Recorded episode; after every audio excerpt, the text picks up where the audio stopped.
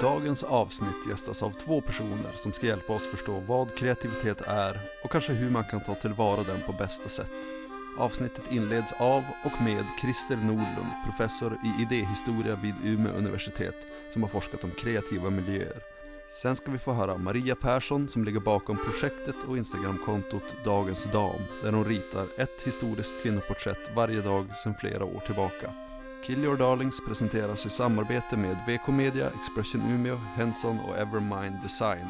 På med lurarna och maxa volymen, eller kanske inte maxa, men lagom högt. Nu, som det brukar heta, åker vi. You know, you hear very frequently people say things like everyone's creative. What is it that's special about the human brain that allows creativity to happen? Kreativitet handlar om att tänka två saker samtidigt som man inte har tänkt samtidigt tidigare. And creative people are really different than non-creative.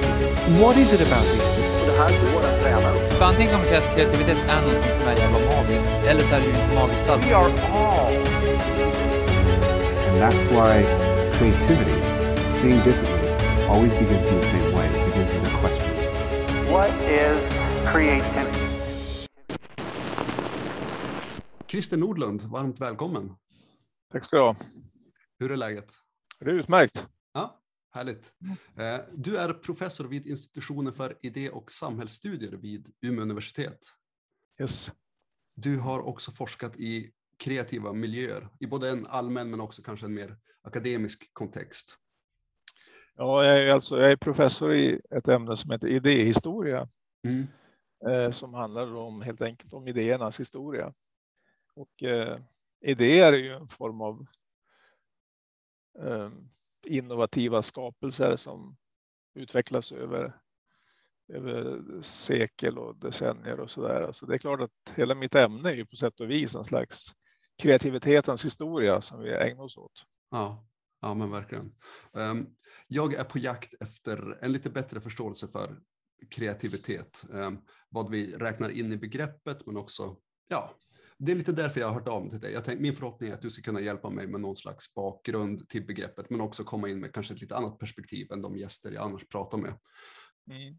Tillsammans med din forskarkollega Kjell Jonsson så har du skrivit texten Homo ludens på universitet om förutsättningar för kreativa forskningsmiljöer. Um, I inledningen så poängterar ni någonting som jag tycker är väldigt intressant. Det är att kreativitet är ett ganska knepigt begrepp. Ni nämner bland annat att geografen eh, Peter Moisberger har noterat att litteraturen uppvisar fler än hundra olika definitioner av ordet. Det är någonting som jag själv också börjar märka när jag pratat med gäster om deras egna definitioner. Um, går det att fastslå var och hur begreppet myntades? Nej, det gör det inte riktigt. Eller det kanske skulle gå, men eh, jag tror inte att det är någon som har lyckats riktigt. Eh, ehm, men men det, jag, det, det jag skulle vilja säga är att, ehm, att, det är, att det är på det sättet. Det är ju inte helt ovanligt med populära begrepp. Mm. Vi kallar dem för contested concepts, alltså i grunden eh, begrepp som, som inte har en given mening utan som kan fyllas med olika innehåll Okej. i olika sammanhang och av olika eh, aktörer. Man kan jämföra det med begrepp som lycka eller demokrati eller kultur. Eh, ord som har liksom flore- florerat och så sen plockats upp eh, i olika sammanhang och så sen getts ett, ett nytt typ av innehåll. Mm. Men det man kan, det man kan säga är att man kan ehm, att om man vill göra det lite enkelt för sig så kan man skilja mellan kreativitet som ett begrepp eller som ett fenomen och Okej. kreativ. Alltså kreativ, och jag tror att vi skriver om det som kommer från latinens creare som betyder att skapa. Det är ju, det är ju antikt, det är gammalt. Mm. Och man har alltid vetat eller att, liksom att det går att skapa någonting. Man har diskuterat det oavsett om det är filosofer eller konstnärer eller poeter eller kompositörer eller forskare eller vad det nu kan vara som har Mm. kunnat tala om kreativa människor eh, och haft en diskussion om det. Mm. Där har vi en parallell till, det, till dess syster, creares systerbegrepp innovare, som vi har begreppet innovation. Mm. Där cre, creare var creare, då skapar man någonting och så sen när det blir en innovation, då förnyar man någonting. Någonting förnyat som redan är gjort. Okej. Okej, ja. Medan däremot begreppet kreativitet, Mm. som ett fenomen. Det är det som är ganska nytt och det är det som är, som är ganska intressant. Att det tillhör Mm. det moderna samhället. Att det, det som är modernt är eh, ja, men ungefär som med kläder, alltså det kommer nya moden hela tiden. Och det är det här moderniserandet som, som driver utvecklingen framåt, som driver samhällena framåt och som såklart också driver ekonomierna framåt. Mm. Och eh, modernitet, ja, det, man, man kan se spår av det, användningen av det begreppet till mitten eller slutet på 1800-talet. I, men det är ungefär under mellankrigstiden som det börjar användas på det sättet att forskare börjar prata om modernitet som ett fenomen. Mm. Och när man börjar prata om det på det sättet och ser det på det sättet, då kan man också börja forska om det Mm. och utforska vad är kreativitet för någonting. Mm. Och det är ännu på 30-talet och, och en bit framåt väldigt få som sysslar med de här sakerna. Så det är först efter andra världskriget som liksom kreativitetsforskningen exploderar och vi börjar få eh, särskilda konferenser om kreativitet. Det, inrätt, det startas särskilda tidskrifter om kreativitet. Mm. Eh, och ytterligare något decennium framåt, då börjar det komma olika typer av självhjälpsböcker om kreativitet som, som lanserar en del begrepp och idéer från forskningen, men som på ett populärt sätt. Mm. Och, och som är en del av de sakerna eh, används idag, liksom, tror jag, som en del i vardagsspråket när vi pratar om kreativitet. Okej. Liksom eh, flow till exempel, eller eh, och också olika tekniker för att försöka stimulera kreativitet. Mm. Men, men, din, men eh, som svar på din fråga så det, det intressanta är kanske att det, kreativitet är ett ganska modernt begrepp. Mm. Det tillhör 1900-talet. Ja. Och det kanske inte går att fastslå här exakt när det introducerades i gemene mans språk, men tror du ändå att det alltid har använts på samma sätt och med någorlunda samma innebörd? Förstår du vad jag menar? Nej, det tror jag, nej, det tror jag inte, utan det, det används på, på många olika sätt även utanför forskningsvärlden. Mm. Och ehm, ehm, man kan, jag tror man kan koka ner det till två, två liksom, eh, meningstraditioner. Det ena är, har att göra med det här att skapa, att göra, att göra någonting nytt. Mm. Det är liksom en, en slags eh, härad som vi med andra innan det här ordet kunde prata om som kultur eller konst eller sådana saker. Va? Mm. Sen har vi den andra stora sfären och det handlar om problemlösning. Att, att på ett kre, att kreativitet handlar om att knäcka problem eller lösa problem, lösa samhällsproblem eller lösa ekonomiska problem eller vad det nu kan vara. Mm. Och i den här, då vetter vi mer mot sånt som man tidigare talade om som så det, man kan se det som, jag, kan, se- jag ser det som två, de två traditionerna. Sen kan ju de gå ihop och flytta ihop naturligtvis. Va? Mm. okej. Jag är lite nyfiken på det här med kreativ forskningsmiljö, för det var ju någonting ni undersökte och skrev om i den här texten. Mm. Och nu förstår jag att, att det inte handlar om det, men det är ju lätt att tänka skyddsglasögon, labbrockar och målarfärg. Men det är inte det en kreativ forskningsmiljö är. Um, vill du på något sätt försöka berätta eller pinpointa vad det är eller vad det kan vara med en kreativ forskningsmiljö? Mm. Ja, till att börja med så kan man väl först säga då att, att forskning inte, alltså det är klart att individer driver ju forskning. Utan det fanns individuella forskare så blir det ingen forskning. Mm. Men i, inom, inom vetenskapshistorisk forskning och annan forskning så ser man ju också då att det spelar roll i vilka sammanhang individerna ingår i för att de ska kunna komma fram till det de kommer fram till, göra det de kan göra. Och utifrån det så uppstod det en forskning om liksom, kan man kan man ringa in liksom, vad är, vilka miljöer, alltså hur ser kreativa forskningsmiljöer ut där det, det, som, som gör att liksom individerna kan göra någonting mer än de skulle kunna göra om de arbetade bara en, var och en för sig så att säga. Va? Eh, och då kan man säga först att det var inte så enkelt. Va? Man kunde säga att väldigt, väldigt framstående banbrytande vetenskaplig forskning har bedrivits i väldigt många olika miljöer. Och det kanske hänger ihop på vilket forskningsämne man sysslar med, vilka typer av frågor, vilka, vilken typ av infrastruktur som krävs också.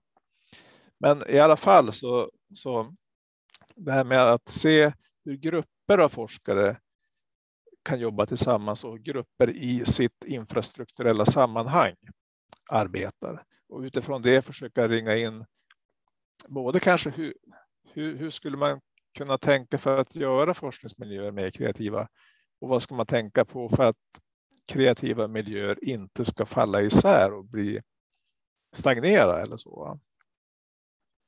Eh, och där, där finns det en, en, eh, en levande diskussion och eh, man kan väl säga att det finns ett antal saker att, som har lyfts fram som kanske inte går att generalisera över precis allting.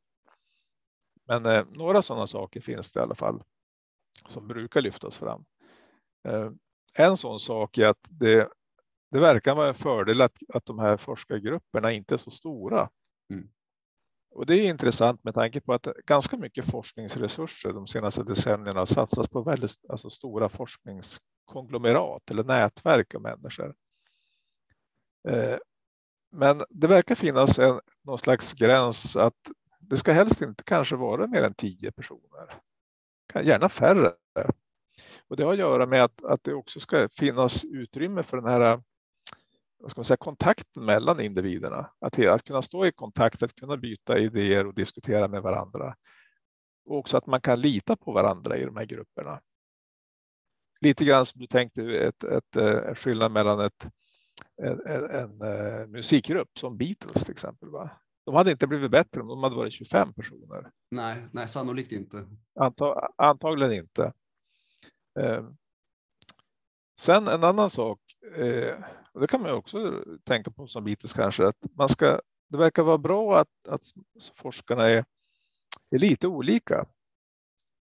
Det är klart att alltså, individuella människors kompetens och kunskaper och, och, och drivkraft, motivation är ju superviktigt. Det verkar vara en fördel om, om man inte är helt identiska, utan man har lite skilda kompetenser. Någon är bra på bas, någon är bra på gitarr, någon är bra på att skriva texter och så vidare. Om man nu överför den analogin till musiken. Så man får vara lika men inte för lika. Man kan ha samma frisyrer och spela i samma band men sen. Ja, exakt. Så, och man får inte, det verkar samtidigt inte vara en fördel om man är för olika. För då kan det vara svårt att riktigt förstå vad man är ute efter. Och man kan liksom ha svårt att till och med prata med varandra om, om de här vetenskapliga begreppen betyder olika saker. Det finns en annan sån stor diskussion idag om betydelsen av tvärvetenskap. Mm. Att man ska slå ihop olika vetenskapsområden med varandra och då, då, är, då är därmed liksom blir det per automatik någonting som, som, eh, som sprakar och gnistrar. Men det är inte säkert om det är för långt ifrån varandra. Okay. Så lite olika, men inte för olika verkar vara bra. Mm. uh, ja, just det. Jag kommer Ska jag fortsätta? Ja, jättegärna. ja.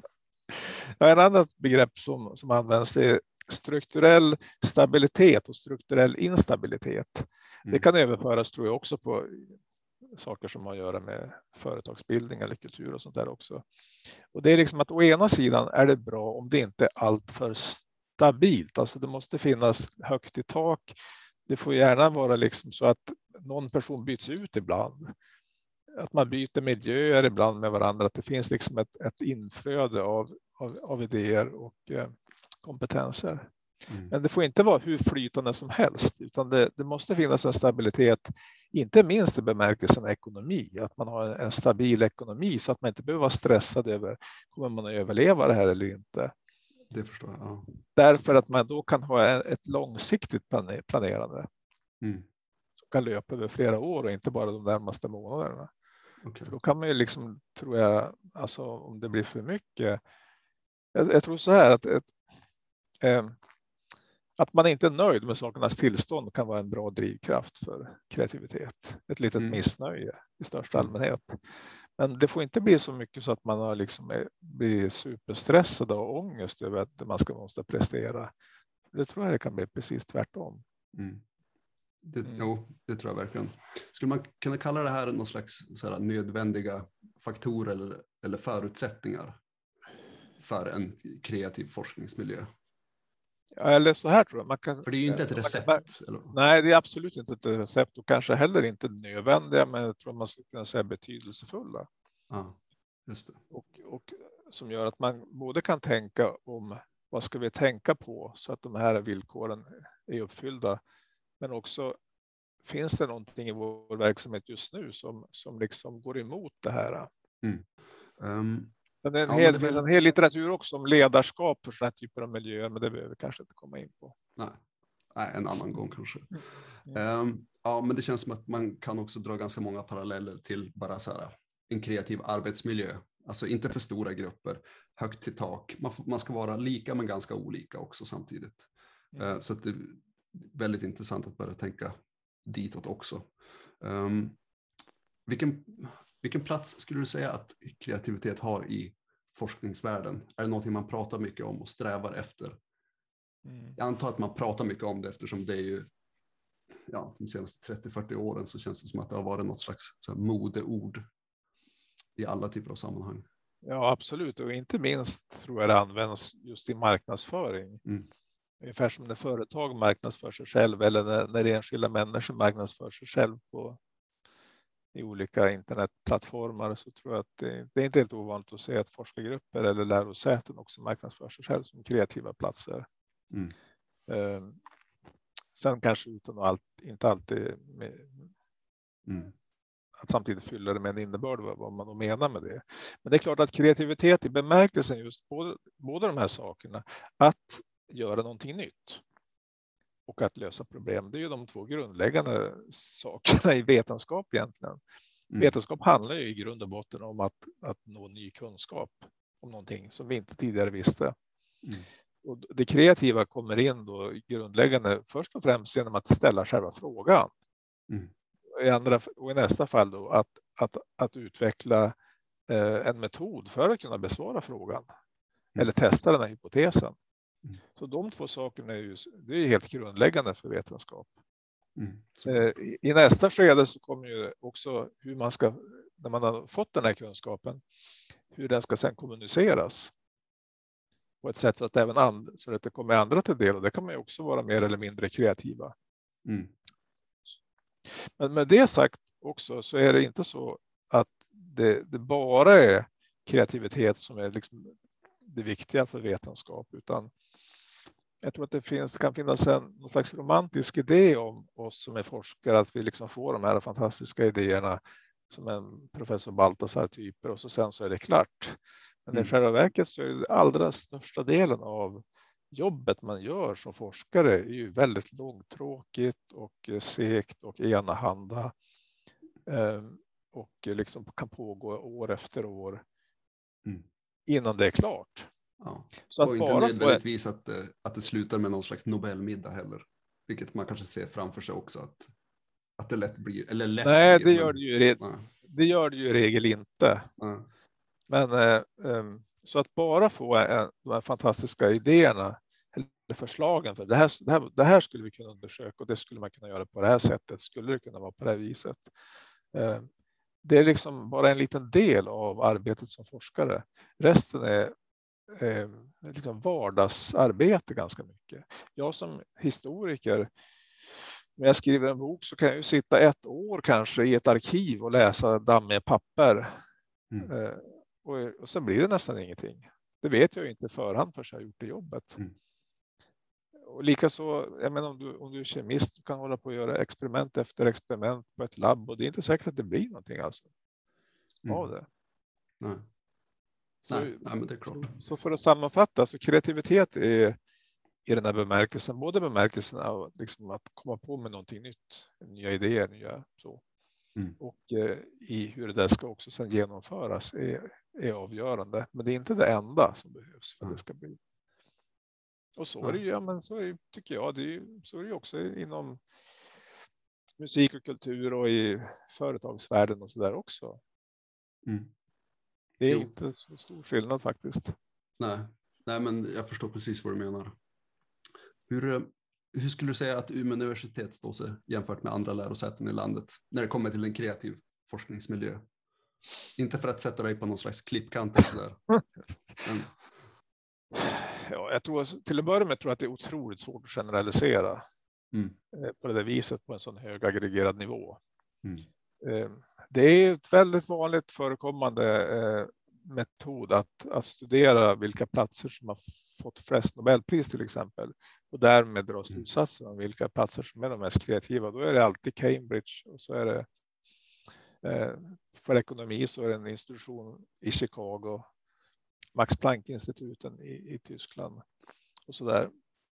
Eh, och det är klart, det säger någonting, men inte allt, för att det är ju också så att precis som i fallet med vårt Nobelpris, vårt kan man säga då, eh, som Emmanuel Charpentier fick i, i fjol för forskning som hon delvis bedrev då under sin tid när hon var här i Umeå. Så är hon, hon en person som kom till Umeå. Hon var ju inte skolad här, men hon hittade en bra forskarmiljö. Mm. Och fick alla de, bästa, de resurserna hon behövde för att kunna göra det. Hon hade en bra forskargrupp. Och sen samman, samarbetade hon också med, med andra forskargrupper, va? inte minst en, en i Berkeley, Mm. som är en kollega som hon fick dela Nobelpriset med. Så det är klart att för, i, i det perspektivet så utgjorde Umeå universitet en, en, en, kreativ miljö på det viset att bara det att man rekryterade henne var ju kreativt kan man ju säga. Mm. Att eh, en, en, relativt, då, relativt ung tjej då, med rätt vilda idéer.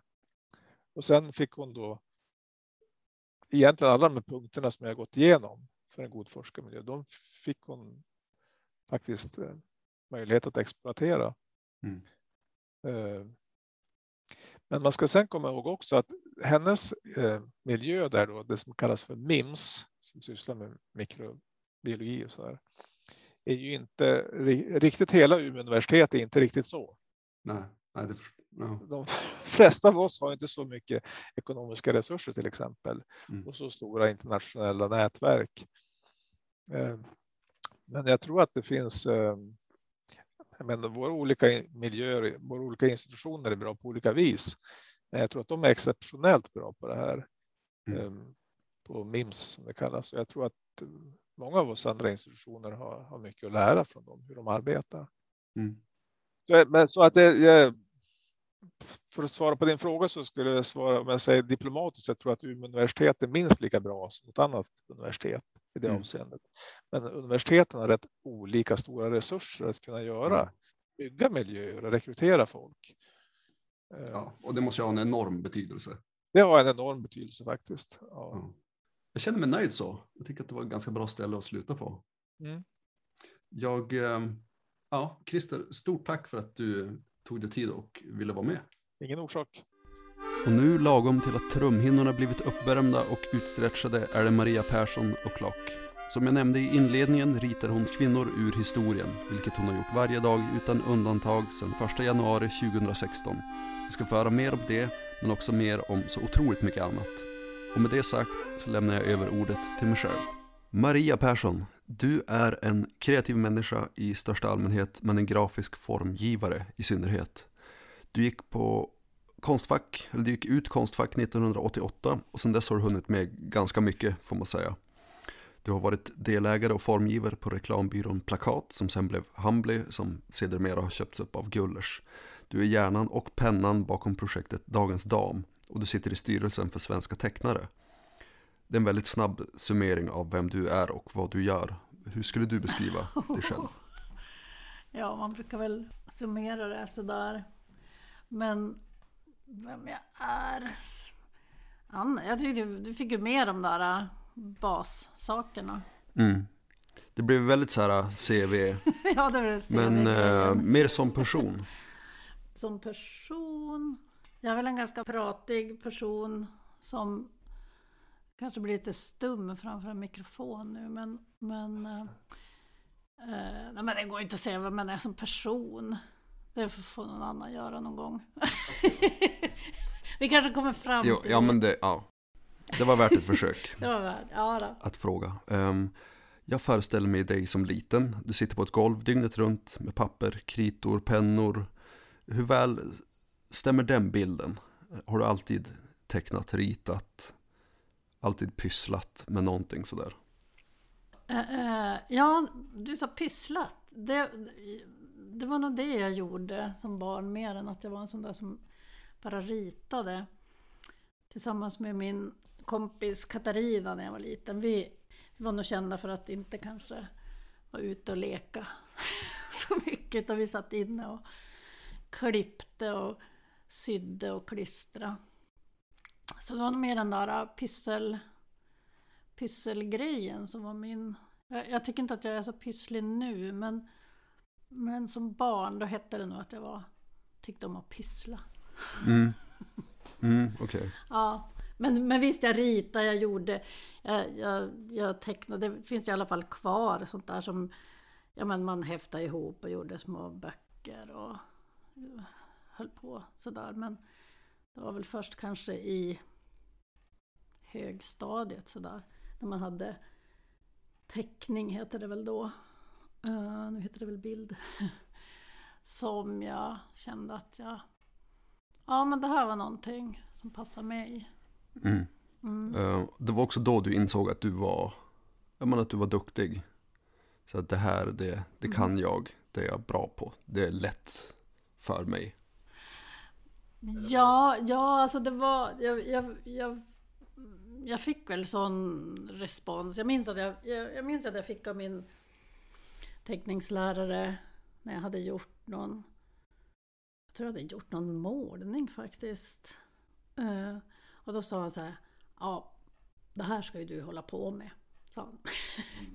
och det, det kände jag väl då att det var det var säkert jättetöntigt då, men, men det var ju ändå någonting som, som var jag med, med det där uttrycket. Och jag sökte ju egentligen, jag var alldeles för ung, men jag sökte folkhögskolor då. Hade velat gå egentligen efter nian, men kom inte in då. Så att, men sen gick jag Med, eh, med någon slags konst. Precis, konstlinje då. Men jag gick först allmän linje på konst, nej, folkhögskola i Burträsk och sen gick jag i Sunderbyn, Mm. konstlinjen där. En tvåårig sån där, prova på. Som jag nu skulle vilja gå om. Ja. alltså jag, jag längtar efter de där verkstäderna och liksom som bara fanns där så hur mycket som helst. Mm. De, de ska jag vilja ha nu. Okej. Eh, Du har, eller, det känns väldigt svårt att prata om det du gör utan att ganska snabbt komma in på dagens dam. För det är så att du har tecknat och ritat historiska kvinnoporträtt varje dag i flera år. Eh, Nu när vi spelar in det här så har du snart ritat 2000 damer. Har jag det? Ja, det är väl ganska nära. Ja, nu har jag inte räknat på ett tag, men jag vet att det var ju, jag hade ju en utställning på Galleri Oss Mm. Här i Umeå före jul och då när utställningen startade så var det 1805 tror jag. Mm. Och det är ju ett tag sedan. Jo, Vi kanske inte ska säga vad det är för datum idag. Nu. nej, men eh, jag, eh, Mm, ja, men jag gjorde en snabbräkning och jag tror att jag fick det till ungefär 1900. Det är i alla fall fem, fem år blev det ju i, vid nyår. Mm. Hur, för jag är nyfiken på det. Hur behåller du lusten och orken för ett så långt konstprojekt? Alltså känner du att eh, drivkraften i det hela är mycket starkare än måstet? Att jag måste göra det här nu varje dag och bara fortsätta? Nej gud, det finns ingen måste i det där. Det är det som är hela grejen. Okej. Att jag start, jag har gjort så mycket måsten i mina dagar. Så att jag börjar ju med det där enbart som ett eget driv och lust.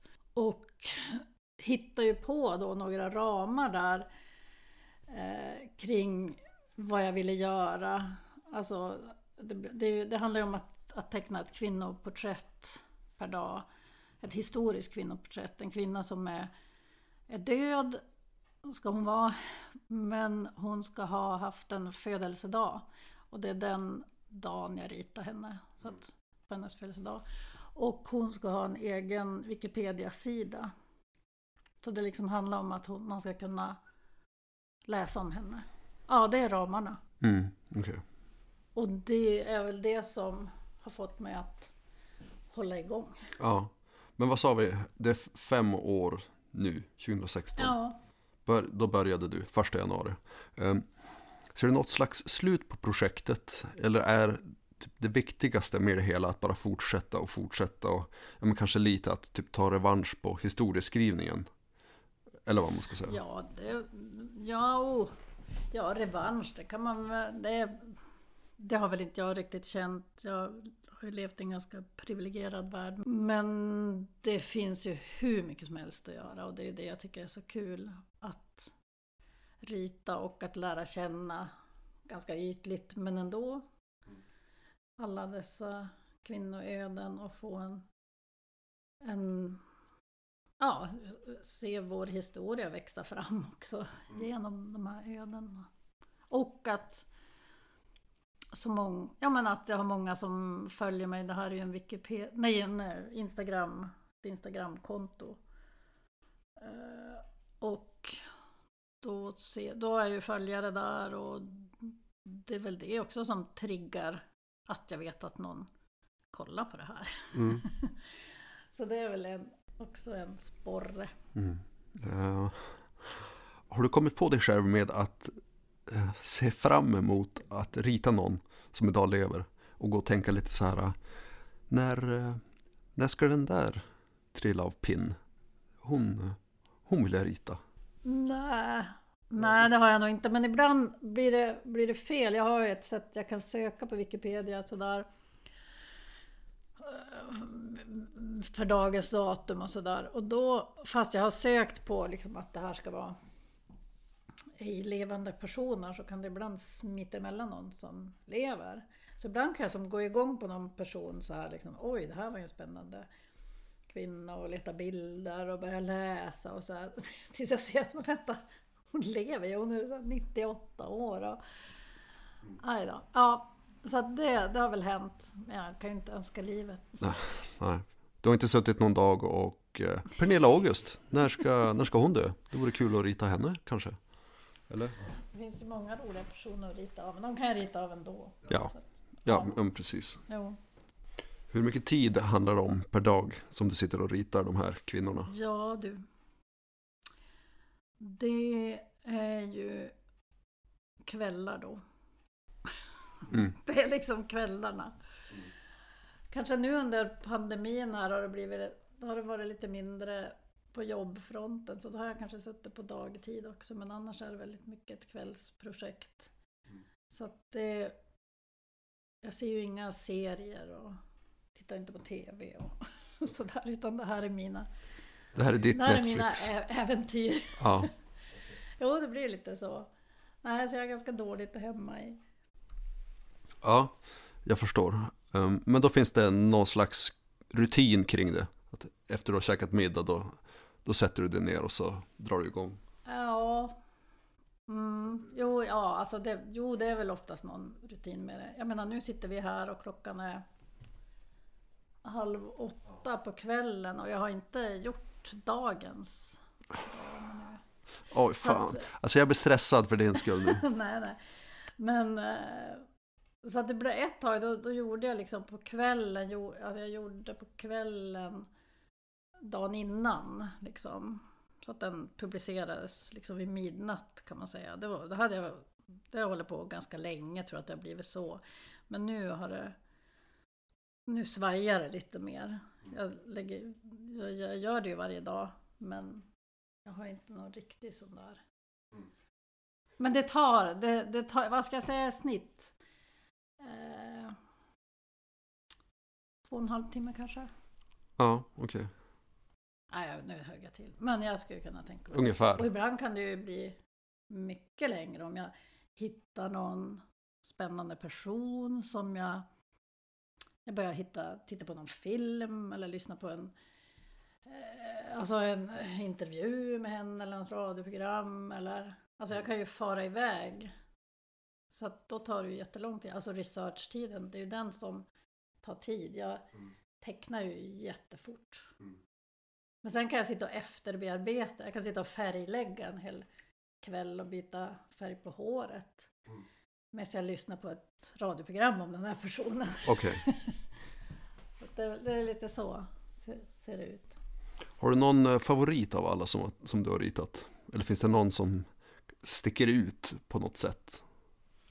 Nej, ingen sticker ut, det kan jag inte säga. Eller blir det lite som att välja en favorit av sina barn? ja, just det. Eh, nej, men jag vill hitta såna här som är liksom stor, stora personer som man inte visste fanns. Mm. och det har ju varit mycket, jag vill hitta ganska mycket av liksom den svenska historien och kvinnorna runt förra sekelskiftet och sådär. De är ju tuffa alltså. Och de har jag väl fastnat för, många i den här rösträttsrörelsen. Nej men alltså nej, jag kan inte säga någon. Om jag, om jag skulle bläddra igenom mina teckningar så kanske jag skulle kunna peka och säga den och Okej. den. Men, Jag förstår. Nej men det var verkligen... Nej, nej det, det, det, det är jättesvårt. Mm. Har du en affärsidé inom de kulturella, kreativa och konstnärliga näringarna och vill utveckla den till ett hållbart företag?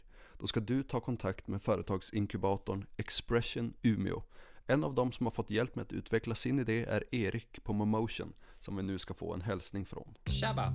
Erik Modin från Momotion här. Jag har valt att utveckla min affärsidé hos Expression Umeå.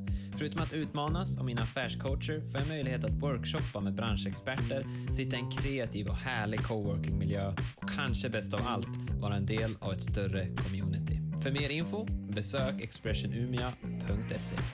Expression Umeå. Creative Minds Unite.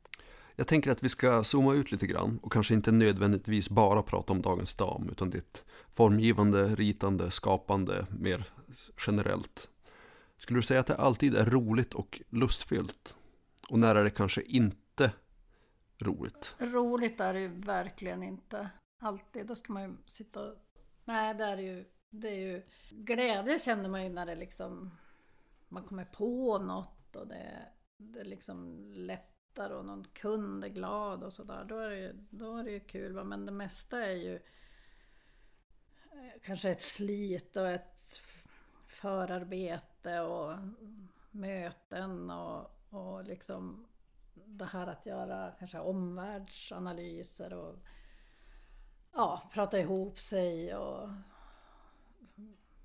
research och sådär. Alltså, det kan ju vara kul också, det, det är ju inte tråkigt, verkligen inte. Men, men det är ju inte att det är inte någon, det glimmar ju inte till sådär hela dagarna, det gör det ju verkligen inte. Nej, jag förstår. Eh, om slash när du fastnar, har du något bra sätt då för att komma igång igen? Eller för att hitta inspiration? Eller ja, men vad gör du när du känner att vad fan ska jag göra nu? För att ta mig vidare i det här. Ja, vad ska jag göra då? Gå och göra något annat? Gör man kanske då ett tag. Men jag är ingen sån där som bara, åh, då går jag ut i skogen och får inspiration och fågelkvitter. Utan jag tror jag, jag nöter nog som bara på. Jag tror att det är så liksom bara att fortsätta jobba. Alltså att inte försöka... Jag tror jag gjorde det mycket förut. Att det som på något sätt i huvudet försökte tänka ut saker. Men jag har som kommit på nu att jag hellre bara gör. Och gör och gör. Men jag vet när jag, när jag kör fast, nu, nu kommer jag till dagens dam i alla fall eftersom det är lite Det är liksom det som uppfyller mig ganska mycket. eh, när jag kör fast där liksom och jag kan rita jag sa nyss att jag, det går väldigt fort och sådär. Men jag, jag kan ju absolut köra fast och det kan se... Jag, jag blir inte alls nöjd. Då måste jag liksom bara... Då byter jag... Då byter jag kanske teknik eller jag byter format eller jag byter förlaga på det jag håller på med. Alltså jag liksom, jag fortsätter, jag jobbar på men jag, jag nöter inte på samma ställe utan jag försöker liksom få någon energi på något nytt sätt. Alltså jag tar ett annat material eller jag går upp i format eller ner i format. Jag kan sitta och rita samma bild 40 gånger. Alltså jag lovar det, jag kan göra det. Verkligen så här. Och så sen bara, men, för, för jag vill så gärna liksom få till det där. Liksom den där blicken eller den där proportionen eller någonting. Och sen känner jag bara till slut, ja men då är det bara att stänga av och så får jag ta något annat. Får jag ta lilla skissblocket eller ta en ny penna liksom. Och det är väl lite samma när jag sitter vid datorn och, eller om jag sitter med papper och penna och skissa för någon logotyp eller någonting. Så då kan man ju också bara sitta och nöta på samma ställe tills man bara tänker att Nej men gud, jag börjar med någon tjockare linje, eller tar någon annan färg eller jag zoomar ut från... Alltså man måste liksom skaka om skaka om skallen lite grann. Det tycker jag att jag kan göra nu på ett annat sätt. Sen kanske jag tar en promenad också, men då går jag inte i skogen. Då kan jag hellre gå på Ersboda där jag bor. Bakom något plåtskjul, bakom Rusta eller något sånt där. Nej men alltså sådana miljöer. tycker jag är roligare. Ja, jag förstår. Att skaka om mig än, än det blir ju något mer oväntat i det kanske. Ja, ja. Kan du inspireras av annat också? Alltså musik, film, människor, miljöer. Har du något eh, go-to? Ja, det gör man ju hela tiden. Att, eller man, jag gör det. Jag är ganska vaken när jag ser mig omkring liksom, på stan. Och jag reagerar mycket på det jag ser. Och Oftast blir jag arg på saker kanske. På fenomen och okay. som kanske inspirerar mig också på något sätt. Men jag, det är inte så här, jag, är, jag lyssnar inte mycket på musik. Jag är inte, jag lyssnar mer på prat. Sen är jag ju en liksom, kulturkonsument när man får göra det. Då gillar jag ju att gå på teater och Bildmuseet och, eller konstmuseer liksom. när, man, mm. när man får resa och, och se mig omkring. Så det gör jag ju verkligen. Nu är man ju lite avtrubbad på det. Man nästan kommer inte ihåg vad man brukar göra. Men jag gillar städer sådär. Mm, Okej. Okay.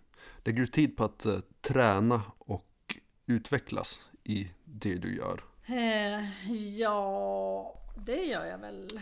Dagens dam kanske blir det eh, lite grann. Verkligen, för det det var ju så det började, att jag liksom behövde hålla i, i analoga verktyg igen efter 25 år vid dator. Så att ehm, så det har ju verkligen övat upp mig. Att jag tecknar mycket mer nu, att jag liksom har en skissbok, att jag sitter och ritar framför TVn, sitter och ritar på stan. Jag fick stipendium från Svenska tecknare så jag var i, i Grekland, Kavalla, innan pandemin slog till kan man säga på hösten där. Så det var två veckor, var jag ensam där och bara satt och tecknade hela dagarna. Så det var ju underbart. Så det var som ett, det var verkligen ett träningsläger. Känns väldigt avlägset nu helt ja. plötsligt att göra en sån grej. Väldigt, alltså vad var jag där? Ja. Om man tittar på ditt eh, Instagramkonto, att dagens dam, då slås man av hur många bilder det faktiskt rör sig om som du har ritat. Bilderna är både väldigt lika men framförallt också väldigt olika. Och om man har det i bakhuvudet eh, och sen kikar på allt det andra som du gör och har gjort. Skulle du säga att du då har en, eh, en viss stil? Kan man känna igen någonting som du har gjort eller ritat eller ja, formgett? Mm. Jag tycker jag ritar samma sak hela tiden. men, Damer? Nej. Men, ja, men jag, det, det har jag nog. Man kanske kan känna igen det. Mm. Det jag gör. Ja. Det kan ju vara svårt för en själv det, ja, kanske. Ja, men det är jättesvårt. Ja. Nej, det var en svår fråga. Ja, förlåt. Ja. um, vad är det svåraste med att vara grafisk formgivare? I allt vad det innebär. Vi har ju snuddat lite grann vid det, känns det som. Um, att köra fast, vad gör man då? När är det minst roligt med skapandet? Men, men nyfiken på vad du tycker är det, det svåraste med det hela? Alltså att jobba med grafisk design, för mig var det att, att välja att bli, att gå från en fri konstskola kan man säga, till att söka till just grafisk design och illustration som utbildningen hette på Konstfack som jag gick. Så var ju det mycket att, att göra saker för andra, att liksom paketera andras eh, innehåll i mycket och så. Och det har som intresserat mig, att försöka förstå hur någon vill ha det. Eller liksom, vem är du? Hur ser du ut? Och är du grön eller blå? Eh, och då menar jag inte såna här konstiga terapeut, vad heter de där? hemska, hemska, nej nej. Nej, utan jag menar bara, vad, vad, vad, liksom, vad, vad är din, liksom den identitet? Man ska liksom fästa något på papper, liksom, det här är ditt visitkort, det här är du, det här är... Och att känna, det tycker jag är så spännande. Det är ju som en... Det är ju utmaningen och det är ju svårt. Att du ska bli nöjd och känna, men är det här jag? Är jag så här bubblig och orange eller är jag stram och grön? Jag vet inte. Ja. Så det är ju, det är ju svårt, men man måste, alltså, men så det handlar ju som om att lära känna, och det är ju oftast en beställare. Någonstans finns det ju en beställare i det här. Det är klart man kan göra, vara grafisk formgivare och göra helt egna projekt. Men det har inte jag gjort. Men, men gör man, jobbar man åt andra så är det ju så är det ju att vara lyhörd samtidigt som man inte ska göra avkall på att göra, göra som kunden säger heller. För då kan den ju göra det själv. Utan att tillföra något. Ja, vara svar på frågan? Jo, ja, men det tycker jag. Och det känns ju också som Alltså jag kan ju se det roliga i att det är så utmanande. Att en stor del av ens, ja men vi kan kalla det uppdrag, att det är svårt, det är krävande och det är utmanande. Jag tror att för mig så funkar det ganska bra som morot. Att få fortsätta söka efter svar, eller söka efter svar rätt. Och du känner också att det är så. Alltså att en stor del av det svåra också gör att det är roligt. Så tolkar jag det i alla fall. Jag vet inte om du... Ja, alltså jag tror att man måste vara det kanske är ett kännetecken där du frågade från början. Nu kanske jag börjar bli lite varm i kläderna. Ja, kör på. Nej men det här att vara, det låter ju fånigt att vara nyfiken. Men jag är ju en väldigt nyfiken person. Så egentligen är det väl jag som borde sitta och intervjua dig istället. Det är jag väldigt glad för att du inte gör. så att det har jag ju en ganska stor nytta av i mitt jobb med, med, med den grafiska formgivningen som är uppdragsbaserad. Då. Så att, mm. att jag gillar att snoka och ta reda på liksom, vem, vem, vem som ska ha det, vem som är mottagare av allt som, som ska göras också. Liksom, varför gör vi det här? Och, alltså allt det där. Inte bara liksom att göra någon snygg trendig krumelur på pappret. Mm. Utan att verkligen försöka förstå och vilja ja, kommunicera. Mm. Får du någon gång eh, prestationsångest? Ja. En gång om dagen minst. Mm, okay. Eller, ja men den, den dyker upp. Ja, hela tiden är man ju, fast jag snart är 60 år så svajar det ju mm. alltid liksom. Eller prestation, det, det kanske, ja men alltså Ja, jo, det, det kanske är någon typ av prestationsångest. Mm. Det tror jag. Jag tror aldrig man kommer ur den. Det kanske är någon morot. Det känns ju hälsosamt på något sätt också att um, det finns där. Alltså det visar ju att man tar det på allvar och att man tycker att det är väldigt viktigt att, att man får till det rätt, så att säga. Men vi ska inte dyka ner i prestationsångest. Nej, det känns nej, det mörkt. Finns det uppdrag som du av principskäl skulle tacka nej till? Ja. Det gör det? Mm. Jag tror att man som utomstående skulle kunna finna det ganska intressant egentligen. Um, om man jobbar med att skapa lockande kommunikation eller ja, reklam för produkter och tjänster som man själv kanske inte nödvändigtvis skulle köpa. Vart har du den gränsdragningen? Alltså nu är jag ju så långt ifrån det, för nu är det ju bara två i vårt företag som gör saker. Och det till liksom, eh, när vi var fler och hade en större apparat företaget. Så då, då dök det upp saker som vi... Det var inte ofta men, men vissa saker. Jag tänker inte säga vad det var. Men, men eh, som inte kändes bra. Det var väl också saker som man kanske började jobba med och sen kände att det här var inget, det här var inget bra. Vi gjorde ju inte så mycket, eller jag har inte jobbat så mycket alls med konsumentprodukter och den typen av reklam. Utan det har varit ganska mycket mer eh, samhällsinformation och den typen av varumärkes varumärkesbyggande. Sådär. Så inte så mycket kom och köp grejer. Jag förstår. Det känns ju som... Men jag menar, kommer man in på politik och Mm. sådana saker, sen kan, ja, då är det ju...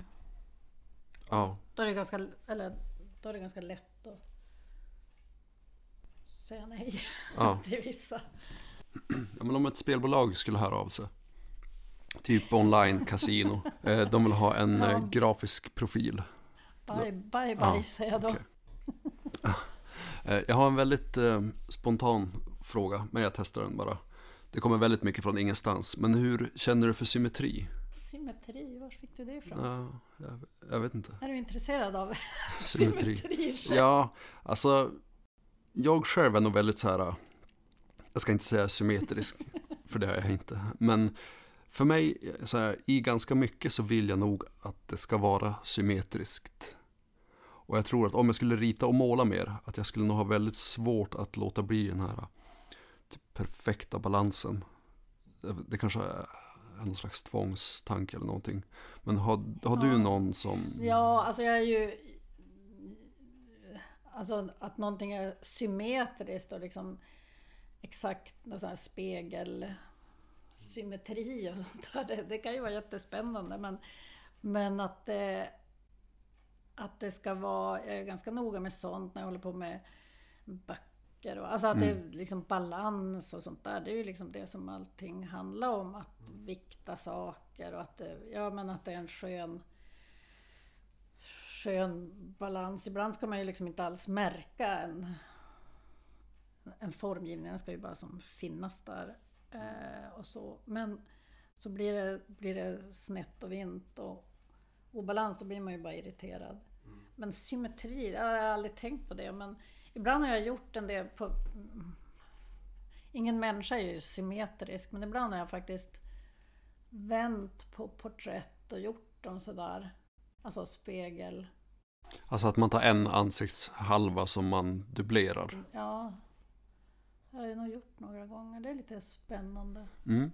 Och lite obehagligt. Väldigt obehagligt. Ja. Eh, Men annars, jag kan väl tycka, jag är in- inget bra på matte, men jag, liksom, jag kan tycka om det här, liksom att det är något sorts, finns någon sorts matematisk tanke. Mm. En ordning i... En ordning, ja. jag menar gyllene snittet och allt det där är jättespännande. Som, som vi har i oss. Det är roligt att du kommer in på gyllene snittet och sådana olika typer av, ja vad ska man säga, det är väl mer typ förhållningssätt än regler. Men jag tänker att när man har så lång erfarenhet som du har, är det där då någonting som du aktivt tänker på eller sitter det typ inflätat i ryggraden? Att det är mer en känsla att bara, där har vi den. Och för den som lyssnar nu så, så målar jag i luften. kan ju vara svårt att höra, men... eh, Nej, jag, jag tänker nog inte på det. Ibland får man ju mäta och ha sig. Och, Om man ska skapa en satsyta för en sida i en tidning eller någonting. Då kanske man mäter och tänker och kanske någon gång tänker gyllene snittet. Men oftast är det, ju, det är väl där man sätter pennan på pappret. Mm. Är ju, hamnar ju oftast Där. där. Mm. Jag förstår. Nej, det är inget jag, Mm. inget jag tänker på. Jag, jag menar, och det jag tecknar, det jag gör i bild, det är ju så väldigt mycket porträtt och jag menar hans, liksom proportionerna i ett, i ett ansikte och i en kropp är ju, följer ju allt det där. Sen kan man ju överdriva det och då blir det ju kul. Karikatyrer. Ja, det, det ser man ju ganska... Det är en del som brukar reagera på det faktiskt, på mina... Hur jag jobbar med ögonen. Jag tänker nog inte på det, men alltså att... de är inte så lika. Plita liksom inte med två likadana ögon utan de kan nog bli i någon känsla sådär och då, då, ja, då bryter man det och då blir det kanske intressant. Men det är ju något intuitivt bara som blir. Mm. Jag tror ju särskilt med ögon också att det gärna får vara lite men, asymmetri. Att, så här, det Ja. känns ju mer levande då på något sätt om det är någonting som bara Jo, Ja men att det finns någon sån här liten skiftning där. Jag vet inte. det är ju de här perfekta ansiktena och de här vackra, klassiskt vackra porträtt, eller mäns, människorna eh, är ju jättetråkiga att rita. Jag, jag har ju en sån bild eh, som, som jag gjorde när jag verkligen körde fast och det var ju på Audrey Hepburn, den gamla skådespelerskan. Eh, som ju är sedd som någon sorts det mest, ett av de mest perfekta ansiktena. Alltså det är många som har gjort några analyser, på, dragit linjer och mätt saker på hennes ansikte. Och eh, det slutade med att jag blundade och ritade hela hennes, hennes porträtt. Alltså jag, jag orkar inte se henne till slut. så då, så då blev det så. Ja, jag ritade henne att hon blundade också och så blundade jag. Så blev det så. Mm. Ja, det var ju ett sätt att komma, komma loss. Ja, ja Folk verkligen. som eh, skrattar är också tråkigt att rita. Som ler med tänderna tycker jag inte om. Varför då? Är det för att det skulle vara... Ja, Jag vet inte. Nej, men jag tycker det är så tråkigt. Ibland gör jag det och det blir bara, alltså det blir som karikatyrer på alla. Jag, jag tycker det är intressant med tänder men inte att rita flinande människor. Jag brukar stänga mun på dem. Oftast. Blir jag väldigt självmedveten eh, och stänger munnen eh, känner jag. Ehm, men det ska jag inte göra. Då blir det nog kanske inte så mycket sagt. Ehm, har pand... Nu hoppar vi verkligen mellan ämnen, men eh, det får bara vara så. Har pandemin påverkat ditt skapande på något sätt, tror du? Eller tenderar du att göra... Skapandet. Ja, eller mitt arbete. Det har ju, det har ju påverkat mitt arbete. Det har det gjort. För det är mindre uppdrag nu. Jag jobbar ju ganska mycket med liksom, kulturbranschen. Och den ligger ju väldigt lågt nu. Så att, men och sen, nu sitter vi här i våran studio, våran lokal på stan som jag delar med kollegor och vi sitter ju inte här tillsammans nu utan turas om att vara här. Och, och det är ju jättetråkigt för det är ju liksom de där vardagspratet och det som eh, håller en igång. Så det är jättetråkigt. Mm. Jag, ehm, jag har pratat med några andra om det här och frågat vad de tror och jag har fått lite olika svar. För mig som, ehm, ja jag får väl komma ut som utomstående nu som ursprungligen är från Skellefteå och eh, ja, men jag flyttar hit till Umeå och slås av att det finns så otroligt många duktiga människor här på olika sätt. Eh, Men många duktiga kreatörer. Ehm, I alla fall mer så än att jag har tänkt på det när jag har varit på andra ställen och reagerat på det. Varför tror du att... Nej, jag ska inte fråga varför du tror att jag känner så.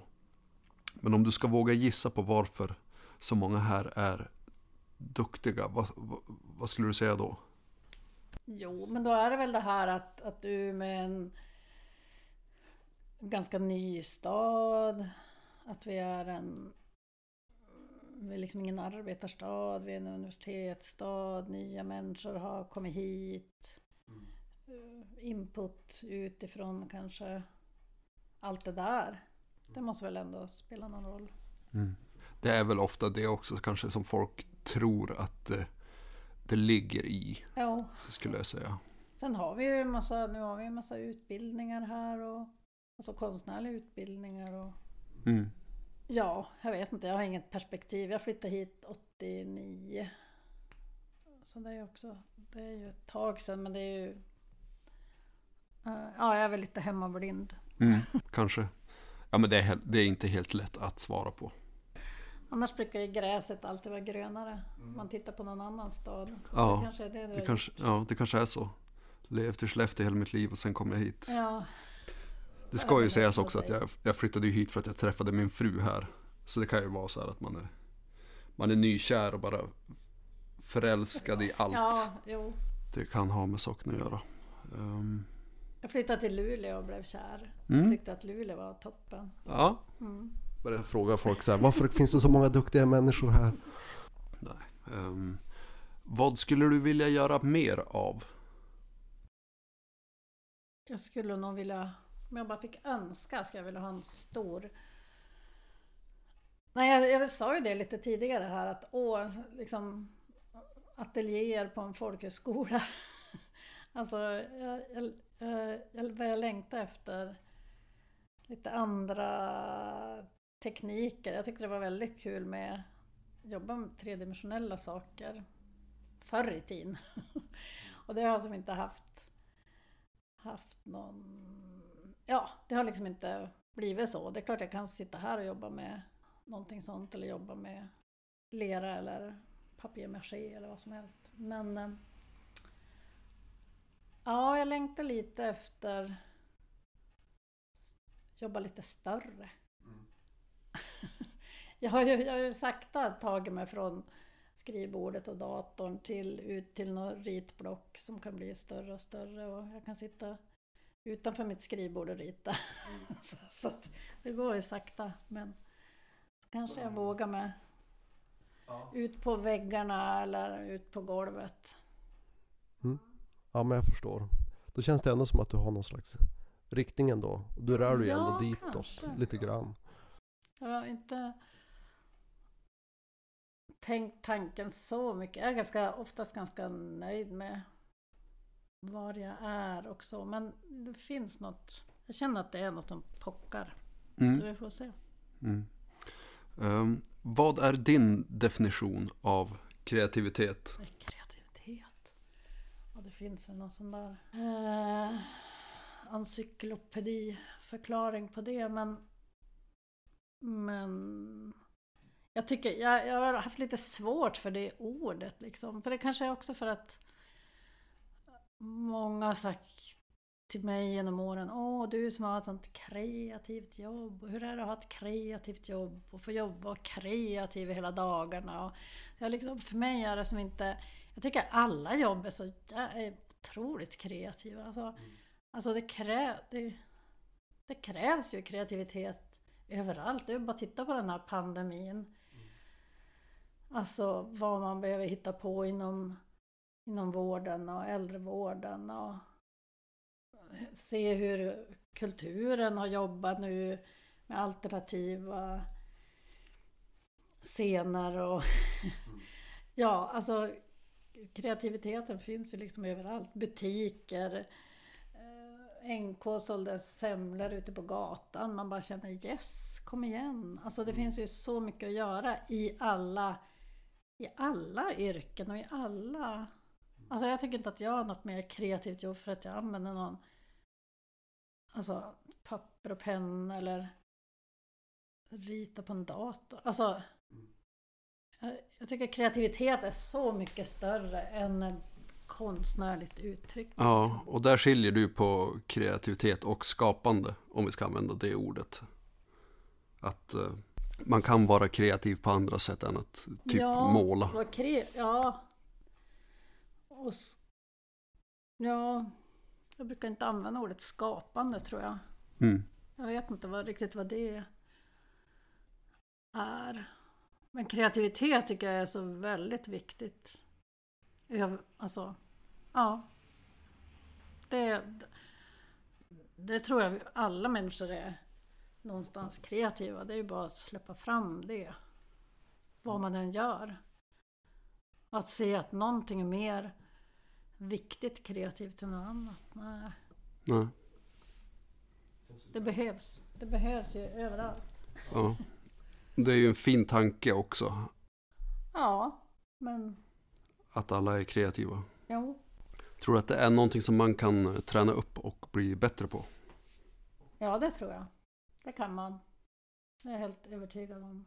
Att man tänker på nya sätt eller ser saker ur, ja precis, ur nya perspektiv och sådär. Då blir man ju mer kreativ. Vrider och vänder på saker och ting. Det kan man ju göra i allt man håller på med. Ifrågasätta och Mm. Det blir väl lite det som Dagens Dam handlar om också, tänker jag. Att det är ett sätt för dig att utmana dig själv. Eh, det kanske är, eller blir en övning i kreativitet där också, i förlängningen. Mm. Ja. Jo, det, jag vet inte om jag... Vad som är kreativt i det. Ja, det är väl kreativt. Det är väl kreativt att göra en bild som inte finns. Då måste man ju skapa den bilden. Ja, men att eh, tänka nytt och börja om och försöka göra någonting som inte ser ut som det man har gjort tidigare. Ja, just det. Jo, men så får jag ju tänka att liksom... Att man blir ju less på sig själv liksom i det man gör. Försöker göra något annat. Det är väl att... Ja, att lyfta. Lyfta sig ur någonting. In, invanda. Mm. Men det är inte lätt och jag menar det är inte... Det är väl någon gång i veckan man känner sig så här kreativ kanske. Vad är det sämsta rådet som du har fått som har att göra med det du gör eller skapandet i sig, ritandet, Dagens Dam? Sämsta. Ja. Ja men gud. Ja det, det säkert finns det jättemycket som någon folk har sagt. Som man har förträngt. Nej det var, nej nej jag har inget dåligt råd. Har du ett bra råd då? Alltså så- som du kommer ihåg? Finns det någonting som någon har sagt någon gång där du tänkte att ja men det där det, det ska jag ta till mig och, och komma ihåg? Gud vad svårt. Nej.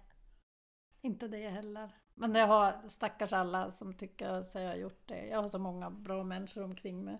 De säger bra saker hela tiden. Men jag kan inte säga något. Ingen nämnd, ingen glömd. Nej, precis. Nu har det blivit dags för en hälsning från våra vänner på kommunikationsbyrån Henson. De är verkligen intresserade av det här med västerbottnisk kreativitet och innovation. I de här åtta avsnitten så kommer de att göra korta nedslag i vår kreativa historia. Vi ska få höra om olika västerbottniska innovationer och påhitt som har förändrat världen i både stort och smått på 15 sekunder. Häng med när vi lämnar över till Henson. Karl Ragnar Åström tröttnade på att lyfta hö och gödsel för hand på gården hemma i Brännland. 1947 byggde han en egen frontlastare och grundade snart sitt företag Ålö Maskiner som kom att bli en riktig framgångssaga världen över. Ja, ett superfint bevis på den norrländska kreativiteten. Tack så mycket Henson. Du hade ju någon sån där... eh, när du skrev eh, och frågade om jag ville vara med på det här. Då hade du ju något arbetsnamn som heter Kill Your Darling. Så jag tyckte det var så kul. Mhm. Är det någonting som... Jo, men det är fortfarande aktuellt. Ehm, ja, alltså, jag, det finns egentligen två varianter på varför den heter så. Den ena alltså metoden, om man kallar det så, att killa ens darlings. Den handlar ju om att man, om man kanske står och stampar i sitt skapande eller skrivande eller vad det nu kan vara, att då kanske det är nödvändigt ibland att ta bort någonting av det man har gjort, även om man gillar det. Ehm, För att kunna kanske se på det på ett annat sätt och därigenom då kunna ta sig framåt. Och det är väl lite det jag hoppas att podden ska kunna vara eller bidra till. Alltså någon slags inspiration för framåtrörelse. Eh, pepp sådär. Och den andra, kanske tyvärr lite mer sanna eh, förklaringen till namnet är ju för att det bara låter coolt. Som ett bra poddnamn. Man kommer ihåg det. Mm. Typ så. Ja. Nej men för det, ja, men för det är ju verkligen någonting som man får jobba med hela tiden. Alltså det är ju som att det sitter på... Det sitter ju någon där på axeln hela tiden och säger kill your darlings. Mm. Och det är svårt. Alltså det är jättesvårt. Tycker jag i alla fall. Jag har problem med det. Um, Ja. och det, kan, det, det kanske är någonting man kan träna på också. Att vara helt så här, osentimental till det man gör. Ja, precis. Det kanske man blir bättre på med åren också. Ja, ja kanske. Ja, det har jag inte tänkt på. Men, men jag kan vara ganska pragmatisk sådär. Tror jag. Jag hoppas att jag är det. Jag känner att jag är det. Jag kanske kan vara, jag kan vara för pragmatisk ibland. Mm. Men om jag kastar en annan, um, vad ska vi kalla det, kreativitetsfloskel på dig och så får du bara så här, reagera. tänk utanför boxen. Vad känner du då? Ja men alltså den är ju, den är ju fånig och utsliten och så men den är ju jävligt bra. Jag vet inte, det finns säkert massa varianter på den. Ja, det tror jag. Har du annars någon minnesregel eller någonting som du brukar tänka på när du jobbar? För att, alltså, um, ja, men det kan vara i stil med tänk utanför boxen. Men har du någon annan så liknande grej som du brukar försöka jobba efter? Eller påminna dig själv om när du sitter och gör det du gör? Mm. Jo, ja. Att, jag hade en, en lärare på Konstfack, han sa liksom att man måste förgifta sig med någonting. Alltså där har verkligen hängt med. Att man måste det, man måste liksom injicera det där. Ja, ja men då kanske vi har det där, det bästa rådet. Alltså att förgifta sig med uppgiften. Det är ett väldigt intressant sätt att se på det. Alltså att så här, förgifta sig. Dels låter det ju lite... Jo, nej men alltså så här. När man, när man är mitt uppe i ett, ett upp, en uppgift eller ett uppdrag och någonting som man letar och så kanske man liksom söker, man kanske bläddrar i böcker, man googlar, går på stan, ser någonting. Och just det där när, man som, när det börjar som falla på plats och så börjar man se och allting hänger ihop. Och men gud, då finns ju det där, där och det hänger ihop med det och då blir det jättebra. Alltså det där flowet liksom som man får är väl en sorts förgiftning då. Alltså att man, man blir liksom besatt och man, man har med sig det här överallt. Alltså det är, det är den häftigaste känslan i när man jobbar med någonting. Om det är något konstnärligt eller om det är något uppdrag eller så. Men det, det, det kan ju vara tungt också att borra sig fram till det där. Man ger upp och flera gånger om. Fast man vet ju någonstans, det brukar ordna sig, det brukar göra det. Men om, om det ordnar sig på en timme eller tre veckor, det vet man ju inte. Nej, nej visst. Och det kan ju vara väldigt läskigt ibland också. Mm. Det är fruktansvärt läskigt. Ja, särskilt kanske när man har en deadline också som gör sig påmind då ja, och då. och det har man ju oftast. Ja. Och det är ju det bästa man har. Ja, det är väl det på något sätt. Jag älskar deadlines. Ja. Det, jag är liksom, jag måste ha det och jag är så helt genomsyrad av av projektupplägg liksom och ha en deadline och ha ett Ja, för att jag ska komma vidare. Annars tror jag bara skulle prokrastinera bort hela min tid. Och nu har jag ju som, nu har jag ju som en deadline varje dag med damerna. Men eh, du blir aldrig stressad av det? Det är väl no, någon gång, alltså jag, jag, jag blir inte stressad men jag kan ju vara fruktansvärt trött bara. Så jag bara, just fan. Det är det jag ska göra också. Alltså, så då har jag väl hävt ur med det på väldigt kort tid och väldigt... Eh, ja, så är det mer att jag blir trött. Jag tycker inte det är tråkigt. Jag tycker det, alltså det är som en... Det är som att öppna en eh, godisburk varje dag. Liksom öppna den här mappen liksom och se om jag hittar någon. Vem hittar jag här och vem ska jag rita idag? Och vad, alltså det är, så, det är en sån lycka så att Mm. det blir ju aldrig tråkigt. Mm. Nej, jag förstår det. Um, med risk för att låta som en riktig snubbe som tänker att det inte finns tillräckligt många. Uh, eller ja, jag ska, jag ska omformulera mig. Min fråga är ju egentligen, vad skulle du göra om det bara en dag så här, det finns, det finns ingen som du kan rita av. Det är ingen dam som har, ja. Men jag vet att det är inte så. Nej.